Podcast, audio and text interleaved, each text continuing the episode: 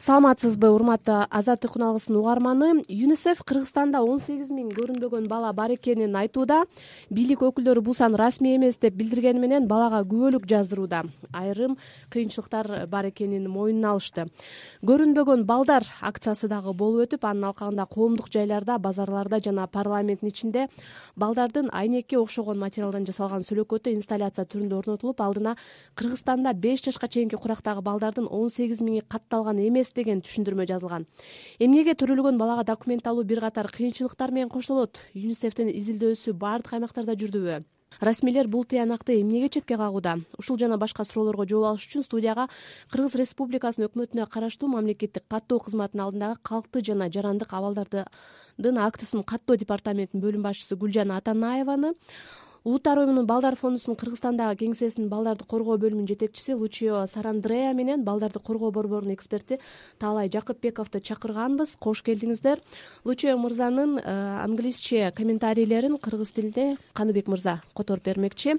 Лучио мырза юнисефтин иликтөөсү кандай жүрдү? Изилдөө баардык аймакта болдубу?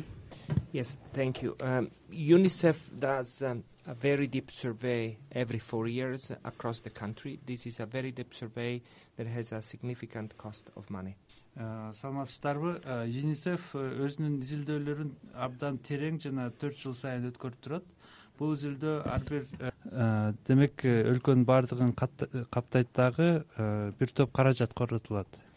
This is based on door to door interviews with professional experts that are asking uh, lots of questions in relation to children and women.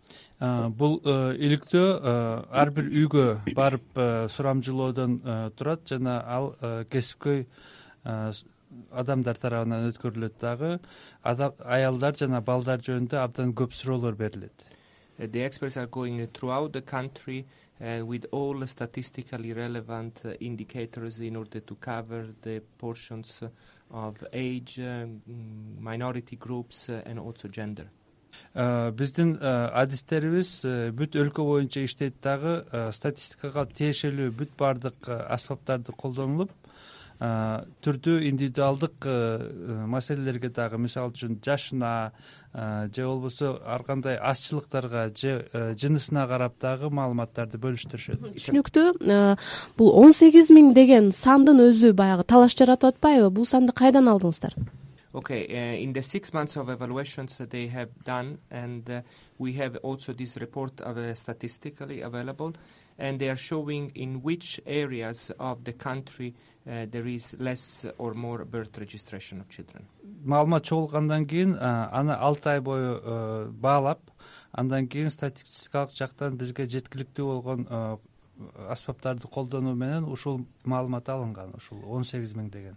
So the persons came to the families with children under five and asked whether the children had birth certificates. Э, мисалы үчүн биздин адистерибиз э, үйлөргө барганда үйдө э, беш жашка чейинки элек балдар барбы алардын баардыгынын туулгандыгы жөнүндө күбөлүгү барбы деген суроолорду дагы беришкен. And two point three percent of the families stated that the children under five did not have birth certificates. Ошондуктан сурамжылоого катышкан адамдардын эки бүтүн ондон үч пайызы бешке чейинки балдардын туулган жөнүндө күбөлүгү жок деген маалымдашкан. Гүлжан айым негизи эле бул аябай актуалдуу маселе эмнеге жок болуп атат күбөлүктөрү чын эле бул цифра менен макулсуздарбы бул азыркы лучи мырза айтып өткөн сандарды албетте бул өздөрүнүн изилдөө ыкмалары боюнча айтып беришти. Бирок белгилей кетсек э, ушул э, эки миң он сегизинчи жылы официалдуу түрдө катталган балдардын саны э, жүз жетимиш эки миң алты жүз алтымыш үч болду. Ал эми эки миң он жетинчи жылы катталган балдардын саны жүз элүү беш миң отуз алты миң болду отуз жүз элүү беш миң отуз жаңы төрөлгөн балдар. Мында ооба.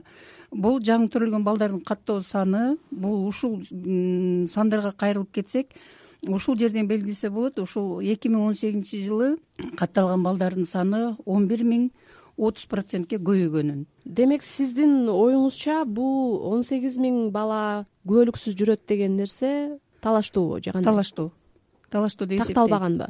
Талаштуу деп эсептейм. Түшүнүктүү таалай мырза эгерде ушунча бала же болбосо ушунча санга чукул бала күбөлүксүз жүрсө алар кандай нерселерден кур калып жатат? Ушуга бир токтолуп өтөсүзбү? Эмнеден кур калып жатышат алар негизгиден кур калып жаткан дагы мамлекеттик кызматтардан пайдалануу укуктарынан такыр эле куру калат да. Биринчи эгерде биз жөлөк бул жөнүндө айтарак болсок жөлөк бул алдыдан куру калат. Экинчиден ошол медициналык кызматтан пайдалануу укуктарынан дагы куру калат. Э, бала бакчага баруу мектепке кирүү ушулардын баардык укуктарынан куру калат да. Анан азыркы күндө мен бир нерсени айтайын деп атам. Азыр сурооңорго жараша. Бул изилдөөнүн өзү он төртүнчү жылы жүргүзүлгөн да. Анан он төртүнчү жылдагы менен бүгүнкү күндүн айырмасы асман менен жердей деп айтсак болот да. Мына биз балдарды коргоо борбору дагы ошол мезгилде он үчүнчү жылдардан баштап эле мамлекеттик кызматтардан пайдалануу укуктарын кеңейтүү деген өзүнчө долбоордун үстүндө иштегенбиз да. Анда биз ошол э, жер жерлерде жаңы конуштарда жанагы биз айтып аткан демилге топторду түзүп алып анан ошолор үймө үй кыдырып чындап эле жана документтери жок балдарды аныкташкан. Азыр так саны эсимде жок мына ошол аныктагандан кийин биз тизмелерин алып алып анан ошолордун ата энелерине маалымат берүүнүн үстүндө көп иштегенбиз да. Анан бүгүнкү күндө андай адамдар жанагы баардык документтери даяр туруп анан күбөлүк албай калган балдардын саны азыр кескин азайды десек болот да. Эми дагы эле ала албай аткан балдар жок деп айта албайбыз. Бар толтура. Көйгөй ошол биздин ата энелердин өзүнүн укуктук жактан сабатсыздыгы болуп атат да. Көп ата энелер ошол жөнөкөй эле ушул мамлекеттик бир мекемеге бирип анын кызматынан пайдалануу эмне экендигин билишпейт да. Бирок эки миң он төртүнчү жылдагы ошол каттоо кызматынын э, акыбалы менен азыркы учурду салыштырып бере аласызбы? Ошол э, гүлжан айым азыркы тапта мисалы бир бала күбөлүк алганда кандай кыйынчылыктарга туш болушу мүмкүн да? Анан кандай жеңилдиктер пайда болду азыркы учурда ушул балдарды каттоо тартиби мындай. Биздин бүгүнкү колдонуп жаткан э, жарандык абалдын актыларын каттоо мыйзамынын негизинде ушул баланын сөзсүз түрдө э, төрөт үйүнөн төрөлдү деген маалым кат болуш керек. Жана ошондой эле азыр кечиресиз угарманыбыз суроо угармандын суроосу бар экен угуп алып анан улантсак. Угуп жатабыз сизди саламатсызбы? моореки көйгөйдү туура көтөрүп атасыңар. Мен мына тиги э, төрт неберелүү болдум да анан уулум тиги москвада иштеп ошол жактан башка мамлекеттин гражданкасына үйлөнүп тажикстандын гражданкасы. Анан биринчи баласы ошол жактан төрөлгөн. Бирок аяктан эч эмеси жок эле э, күбөлүгүн жазып беришкен. Сен кимсиң эмнесиң дебей элечи анан бияка келгенден кийин үч балалуу болушту. Эки баласына араң алдык. Э, сен тажикстандын гражданкасы экенсиң туда сюда деп ошол шылтоолоп акча сурашып анан бербей кыйнап жүрүшүп биз арызданып жүрүп алдык. Азыр эми төртүнчү балалуу болду мына үч ай болду. Справкасын тиги сокулуктун роддомунда төрөгөн справкасын араң алдык. Анан тиги госрегистрге барса эми тиги метрикасын бербей атышат себеби тиги э, келинибиз эмесин э, жанагы гражданство алам деп документтерин тиги берген. А президентский аппараттан качан чыгат эмне загысы бар бүт баары тең бар. Только жанагы айди карта керек дейт. Ал загранпаспорт менен жүрөт да. Чоң рахмат. күбөлүгүн бербей атат да. Чоң рахмат. э, гүлжан айым кандай жооп бересиз? Эмнеге берилбейт? Бала кыргызстанда төрөлсө урматтуу угарман сиздин өзүңүздүн айтканыңыз боюнча азыркы учурда сиздин келиниңиз ушул кыргыз республикасынын жарандыгын алуу боюнча өзүнүн тиешелүү документтерин азыр указды күтүп жатыптыр. Ошол указ чыккандан кийин анан кийин бизден күбөлүк алсаңыз болот. Ал эми азыркы учурда сиз ушул небереңизди каттоо үчүн келиниңиздин өзүн тактаган э, өзүн күбөлөндүргөн документти көрсөтпөгөндүгүңүз үчүн мүмкүн ушул күбөлүк жазылбай жок ал э, никеси катталган да эмнеге ошол никеси катталган никеси катталган кыргыз кыргыз атуулуна турмушка чыккан дегендей кыргызстандык кишиге. Ооба бирок э, сөзсүз түрдө неме э, төрөлгөн төрөгөн аялдын өзүн күбөлөндүргөн документ паспорт болуш керек сөзсүз түрдө. Түшүнүктүү төрөт үйүнүн маалым каты менен ошол төрөгөн аялдын өзүнүн күбөлөндүргөн документ сөзсүз болуш керек. эгерде төрөгөн аялдын документи паспорту башка жарандык болсочу эч кандай тоскоолдук жок. Тоскоолдук тоскоолдук жок. Ушу жеңилдетүүнүн жолдорун э, кайра токтолуп өтсөңүз кандай процесс болот да негизи эле? Негизи каттоо үчүн ушул дагы бир жолу айтып өтөйүн. Төрөт үйүнүн э, сөзсүз түрдө ушул төрөдү деген маалым каты болуш керек. Жана ошондой эле ата энесинин өзүн күбөлөндүрүлгөн күбөлөндүргөн э, паспорттор документтери болуш керек. Түшүнүктүү лучео мырза деги эле ушул дүйнө жүзүндө документсиз жүргөн балдардын көйгөйү канчалык деңгээлде анын ичинде кыргызстанды ошо мындай салыштырып бере аласызбы yes well the issue of children without registration around the world uh, it's uh, very concerning and we have several million around the world uh, that do not have these documents. Албетте документсиз жүргөн же каттоосуз жүргөн балдардын маселеси дүйнө боюнча эле орчундуу маселе болот. Дүйнөдө азыркы учурда биздин эсептөөбүз боюнча бир нече миллион бала документсиз жүрөт. As we understand uh, the issue is also particularly significant in tajikistan where the united nations have a project uh, trying to eradicate the lack of birth certificates. It's much more acute than in kyrgyzstan. Айтып кетсек тажикстанда дагы э, ушул көйгөй аябай орчундуу болуп турат. Э, бириккен улуттар уюмунун айрым мекемелери азыр ал жакта э, документсиз же катталбаган балдардын санын азайтуу боюнча чоң долбоорду ишке ашырып атат. Анткени бул көйгөй тажикстанда кыргызстандагыдан дагы чоң болуп эсептелет кечиресиз угарманыбыз дагы байланышта бар экен. Угуп жатабыз сизди саламатсызбы? Мен өзгөндөр мен бул жерде эң биринчи жаак уюмунда өтө чоң реформа керек анан булардын ишин жеңилдетиш керек. Документтерди талап кылган талап кылуучу документтерди азайтыш керек. Биринчи. Экинчи ушул жаакты эмеден чыгарып кбстен чыгарып туруп эле министерство юстицияга бериш керек. Анткени министерство юстицияда жеңилирээк болгон и ар бир айыл өкмөттүн катчысы эле жазып берчү да катасы жок элечи илгери эми азыр район боюнча жыйырма айыл өкмөт болсо жыйырма айыл өкмөттө төрөлгөндөрдүн баары бир жерге келет. Очередь искусственно создавать этилип ушундай нерселер чыгып атат. Менин кызым америкада жашайт эки балалуу болду. Э, күйөөсү дагы өзү дагы кыргызстандын граждандары бирок балдарына төрөлгөн жерден э, туулгандыгы тууралуу күнөөлүктү э, эч кандай проблемасы жок эле жазып берилди да. Экинчиден буларды берки юнисефтин жүргүзгөн обходу по моему подворно болгон жок да эгер подворно болсо мындан он сегиз миңден да көп болмок. Түшүнүктүү. Гүлжан айым ушул жеңилдетүү иши жүрбөй жатат деп атат угарманыбыз. Анан мигранттардын балдарын деги эле америкада жүргөн мисалы биздин мигранттарыбыз бар. Түркияда жүргөн аларды каттоо кандай болуп атат. Америкада төрөлгөн балдардын ушул катталышы жана ушундай документи жөнүндө эгер белгилеп кетсем американын кошмо штат деги эле америка эмес ушу чет жактагы. мыйзамы ушул төрөлгөн жери боюнча документ берилип э, дароо эле ошол жерде төрөлгөн бала ошол э, американын жарандыгын алат да. Ошондуктан бул жерден келип э, күбөлүк алуу кыйынчылыкка турат. Ала албайбы демек күбөлүктү а орусияда жүргөндөр? Орусияда жүргөндөргө биздин ушул минский конвенциябыз бар. Биз өз ара укуктук жардам берүү боюнча бул жерде эч кандай кыйынчылык болбойт. Эгер ата энесинин бирөөсү же экөөсү тең кыргыз республикасынын жараны болсо эч кандай тоскоолдуксуз эле ушул бүгүнкү колдонулуп жаткан мыйзамдын негизинде баласынын күбөлүгүн кыргыз республикасында алууга мүмкүн. Түшүнүктүү кечиресиз дагы бир угарманыбыз байланышта экен. Угуп жатабыз сизди саламатсызбы? Алло саламатсыздарбы саламатсызбы? Угуп жатабыз айтыңыз сурооңузду. Мен мына көлүк боюнча кайрылып аттым эле. Мен деген эки миң алтынчы жылы эки миң он экинчи жылкы балам менен кызым бар да. Алар алматыда төрөлгөн кыргызстандан көлүк ала албай жүрөм. Алматыдан мать одиночка болуп алып калган себеп мен ал кезде депорт болуп жүргөн болчумун да алматыда.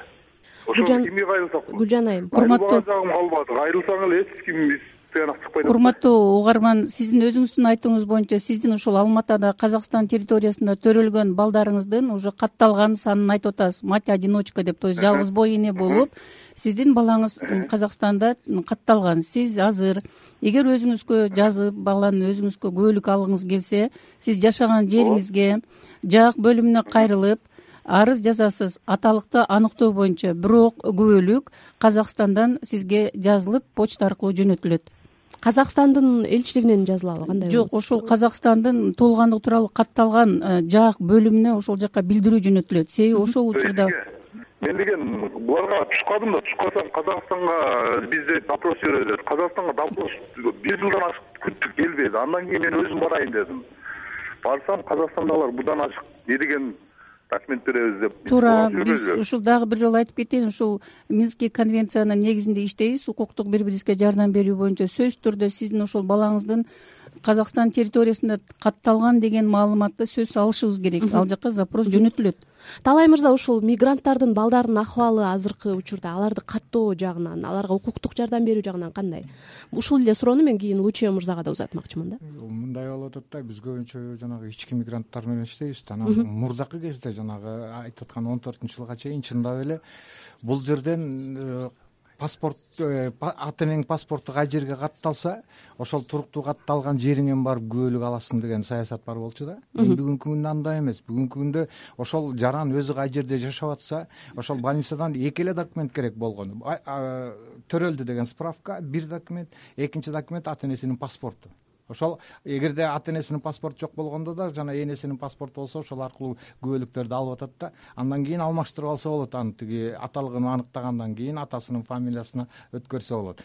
Эми бүгүнкү күндө ушул документ алууда анчалык деле кыйынчылык жок. Чындап эле жанагы алматыдан же болбосо өзбекстандан төрөлүп аяктан күбөлүк алып алгандарга чындап эле кыйынчылык көп себеп дегенде өзбекстандан кайра кабар келиши бул өзүнчө эле бир чоң көйгөй. Эки миң алтынчы жылдан бери ала элек болсо балага ал эки миң алтынчы жылы алган да тиякта төрөлгөн. Азыр кайрылып атканы бир эки жыл эле болушу мүмкүн бирок кыргызстандын укуктук нормаларын мисалы укуктуу бир ала турган жардамдарын ала албай жатса керек да. Чет элдик жаран катары чет элдик тиги жаран катары чындап эле больницага барганда жанагындай бир медициналык жардам керек болсо ошол медициналык жардамдан баш тартышы мүмкүн. Хотя тиги бул жерде тургандан кийин жардамды акысыз алыш керек. Мындан сырткары жана бала бакчага барууда мектепке алууда сөзсүз түрдө тоскоолдук болот да. Кечиресиз талай мырза дагы угарманыбыздан дагы суроо бар экен? Алло. Угуп жатабыз сизди тезирээк сурооңузду берсеңиз дагы бир тактап коеюнчу жана биринчи чалдым эле болот. Жанагы баламдын паспорту бар граждан э, граждан кыргызстана болот. Алар москвада жүргөндө экөөнө тең берген тиги метрикасын биринчи баласына болот. Ким экенин карабайчы болот по факту а бул жерден алып албайт да келиндин паспорту загран паспорту бар. Загсы бар. Келиниз айди карта алуу элек болот эмне үчүн бербей атат келиниңизден эгер турат уже беш алты урматтуу жашап атат вот. Урматтуу биякта иштейт биякта жашайт. Урматтуу угарман эгер келиниңиздин ошол загран паспорту болсо балаңыздын документи бар болсо ошол жашаган жериңизге кайрылыңыздар. Эгер ал жерден болбосо анда менин телефондо жазып алсаңыздар болот. Түшүнүктүү. Лучия мырза ушул иликтөөгө сиздердин изилдөөгө мигранттардын балдары да кирдиби анан деги эле ошо документи жок балган жүргөн балдардын социалдык ахыбалы кандай экен да? Yes we also have information about migrant children and unicef is working hard to reduce the problems faced by migrant children left behind албетте биздин изилдөөгө дагы мигранттардын балдары андан сырткары юнисеф өзүнүн бүт жумушунда ушул э, ата энеси миграцияга кеткен балдардын э, көйгөйлөрүн чечкенге аракет кылат. According to our information one hundred and nineteen thousand children are left behind by migration by both parents. Биздин маалыматка караганда кыргызстанда жүз токсон миңдей бала эки ата энеси тең миграцияга келип кетип жалгыз калган and two hundred fifty nine thousand by at least one parent бир гана ата энеси миграцияга кетип үйүндө калган балдардын саны болсо эки жүз элүү тогуз миңге жакын. These children are subject uh, to all uh, sorts of uh, risks including lack of birth registration violence school drop out and even suicides. Бул балдар албетте түрдүү коопчулуктарга туш келет. Тобокелчиликтерге мисалы үчүн ошол эле туулгандыгын жөнүндө көлүктү алуу кыйынчылыктары же түрдүү зомбулуктарга мектепти калтырып кетүүгө же өзүн өзү өмүрүн кыйган учурлар дагы ушул балдардын арасында көбүрөөк учурайт. If we compare the different statistics available we see that the areas where there is a higher percentage of children not registered are also the areas where there is a higher migration abroad эгер мына түрдүү статистикалык маалыматтарды салыштырып келгенде дагы ушул балдар көйгөйлөрү өзгөчө башка балдарга салыштырмалуу мигранттардын балдарынын арасында көбүрөөк жолугат. Кайсы социалдык катмарлар дагы анан мигранттардан тышкары мисалы жакыр жашагандарбы же өтө жакырчылыктын чегинде жашагандарбы документсиз жүрөт да yes well we see that children for example in um, rural areas are uh, more prone not to have uh, documents birth documents. Ооба биздин маалыматтар боюнча мигранттардын балдарынан сырткары көбүнчө айыл жеринде туулган балдар ушул документти алууда кыйынчылыкка учурашат. And if i am looking at the places where there is a higher percentage i can see that the two places in kyrgyzstan were having high percentage of lack of birth certificates are osh city and jalalabad эгер э, атап айтсак э, ушул э, кыргызстандын аймагында эки жерде ошто жана жалал абадда көбүнчө ушул балдардын документсиз жүрүшү көйгөй курчуп турат. Таалай мырза ушул жерден бир суроо пайда болуп атат да. Ушул э, документ же болбосо балдардын укугу деген маселе кандайдыр бир коомчулукта чуулгандуу иш пайда болгондо же болбосо жанагындай инсталляция же бир журналисттин макаласы чыкканда гана көтөрүлүп калат да. Мындай бир коомдун кызыгуусун жаратыпчы. Ал эми эл болсо күнүмдүк э, проблемасы менен өзү эле жалгыз калгандай да эмне кылыш керек эл негизи? Ушул проблеманы чечиш үчүн да укугу жок документи жок балдардын акыбалын жакшыртыш үчүн бул боюнча атайын механизмдер иштелип чыккан жакшы эле бар. Э, экинчи жагынан ошол э, негизги маселе кадрларда болуп атат да көп учурларда. Мыйзамдар кабыл алынган ошол мыйзамдар иштебейт. Жакшынакай мыйзамдар бар. Мына кечээкүнкү эле э, чоң жыйналышта ушул боюнча эмне деп айтышты? Ар бир үйдү бир сыйра жанагы ички мигранттардын балдарын үймө үй кыдырып аныктап чыгалы деп бул тетиги эки миң он төрт он үчүнчү жылдар эки миң тогузунчу жылы ушундай чыккан тиги мыйзамдык жобо бар болчу. Эми ошол бүгүнкү күндө эми мараң баягы мамлекеттик беш жыл өтүптүр да эми кыйналып отуруп бүгүнкү күндө аныктала баштады. Натыйжасы эмне болду? Мына азыр карап көрсөңөр массалык маалымат каражаттарында толтурат тогузунчу он үч он төрт жашка чыккан ата энеси атасы зордуктап жүргөн кыздар чыгып атат. Э, же болбосо энеси кетип калып тиги балдары эмгичек документ жок мектепке барбай калган балдардын саны чыгып атат. Бүгүнкү күндө эми иштей баштадык да. Негизги маселе мындай экен да? Жанагы болуп жаткан көйгөйдү моюнга алыш керек экен. Ооба бизде ушундай бар деп. Жана мырза айтып атпайбы он сегиз миңден ашуун бала документи жок деп. Биз дайыма актанып киребиз да. Андай эмес. Ал мындай болуп калган туура эмес саноо жүргүзүлдү деп. Туура жүргүзүлдүбү туура эмес жүргүзүлдүбү факты бар. Муну моюнга алыш керек моюнга алгандан кийин качан биз бир нерсени көйгөйдү моюнга алганда анан ошонун тиги андан ары эмне кылабыз? деген суроо туулат да. Демек негизги нерсе эмне болуп атат жана айтылып аткан нерселердин баардыгын моюнга алып туруп анан ошону чечүүнүн жолдорун издеш керек. Анан муну издеп атканда кадр маселесине көп такалып калып атабыз да азыр жашырып эчтеке жок. Мына грэсттин өзүндө мурда кандай эле шаардын өзүндө бишкек шаарынын өзүндө. Эгерде күбөлүк өзү бир жыйырма сом турса жыйырма сомдун тегереги он беш сом турса күбөлүк алганы барганда эч ким тана албайт баары тең эки жүз сомдон алчу. Шаардын ичинде каттоосу бар. Жана мен тиги сабаттуумун мен билимдүүмүн деген кишилердин баары туруктуу каттоодо турган кишилер. эми бүгүнкү күндө ал жоголуп келатат четинен жойулуп баягы көч бара бара түзөлөт дегендей биз канчалык көбүрөөк ушул тууралуу айткан сайын анан ошондо бир нерсе чыгат экен да. А болбосо биз айтпай жашырып салып атпайбызбы ошол көйгөйдү чындыгында эле баягы күбөлүк алуу маселесине келгенде мен өзүмдүн да тажрыйбамды эстеп кеттим. Азыр сизди угуп отуруп э, ошол эки миң экинчи жылы биринчи улуу кызымды төрөгөндө э, каттооң жок. Э, анан биздин чындыгында нике күбөлүгүбүз да жок эле да нике күбөлүгүң жок деп менин кызыма төрт ай бою паспортум болгону менен Э, төрөт үйүнөн алган документим болгону менен күбөлүк берилген эмес да. Анан вакциналар сайылган эмес бир топ баягы саламаттык жагынан укуктук жактан аксап калганбыз да. Азыр мисалы төрөгөн аял кантип алат да гүлжан айым? Ошо мындай кадам кадам менен айтып бериңизчи. Кадам кадам менен айтсак азыркы колдонулуп жаткан мыйзам боюнча дагы бир жолу айтып кетейин ушул төрөт үйүнүн маалым каты сөзсүз түрдө болуш керек жана ошондой эле апасынын ошол төрөгөн эненин өзүн күбөлөндүргөн документ болуш керек азыр дагы кошумча айтып кетейин биздин ушул мамлекеттик каттоо кызматы тарабынан ушул азыркы көйгөйлөрдү эске алып э, ушул коомдо болуп аткандарды эске алып бизге азыр ушул биздин колдонулуп жаткан мыйзамга өзгөртүү киргизилди. Бул өзгөртүү боюнча төрөлгөн баланы ушул э, төрөт үйүнүн аныктамасы менен гана каттоо өзгөртүү киргизилип атат бул өтө чоң жумуш дейм. Себеби ушул документи жок деп катталбай калып атпайбы балдар. Ошол документсиз эле э, роддомдун берген төрөт үйүнүн берген маалым каты менен баланы каттоого демек апанын да паспортун сурабай элеби сурабай эле. Азыр ушул жаңы мыйзамдын долбоору менен өзгөртүү киргизилүү боюнча. Ошол төрөт үйүнүн маалым каты менен баланы каттоого э, өзгөртүү киргизип атабыз. Ушу жеңилдетиш үчүн балдарды каттоо качан ишке ашышы мүмкүн ошол нерсе? Азыр эми бул э, долбоордун өзгөртүү киргизилүүсү биздин тараптан иштелип чыгып э, юстиция министрлигинде азыр каралып жатат демек анда ошол эле төрөт үйүнөн эле алат турбайбы документти же кандай болот? азыркы учурда деле төрөт үйүнөн алат. Азыркы учурда деле шаарда төрт төрөт үйүндө ушул жак кызматкерлери барып барып катташат күндө барып катташат.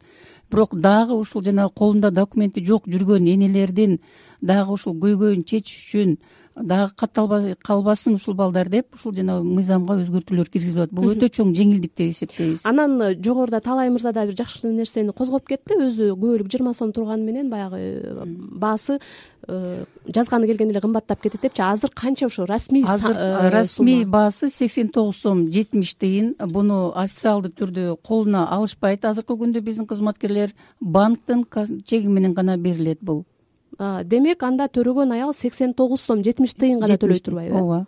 Андан ашыкча төлөнсө кандай болуп калат ал? Ал төлөнсө уже мыйзамсыз болот. Официалдуу бланктын баасы сексен тогуз сом жетимиш тыйын эгерде бир кандайдыр бир банктын өзүнүн бир немелери болсо проценттери болсо анда айта албайм. Түшүнүктүү? чоң рахмат урматтуу угарман. Бүгүн биз кыргызстандагы каттоосу жок. Э, туулгандыгы тууралуу күбөлүгү жок. Жүргөн он сегиз миң бала тууралуу талкуу жүргүздүк. Талкууга юнисефтин кыргызстандагы э, кеңсесинин балдарды коргоо бөлүмүнүн жетекчиси лучио сарандрея кыргыз республикасынын өкмөтүнө караштуу мамлекеттик каттоо кызматынын алдында калкты жана жарандык абалдардын актысын каттоо департаментинин бөлүм башчысы гүлжан атанаева жана балдарды коргоо борборунун эксперти таалай жакыпбеков катышты. Талкууну бишкектен мен бактыгүл чыныбаева жүргүздүм. Кайрадан угушканча аман туруңуз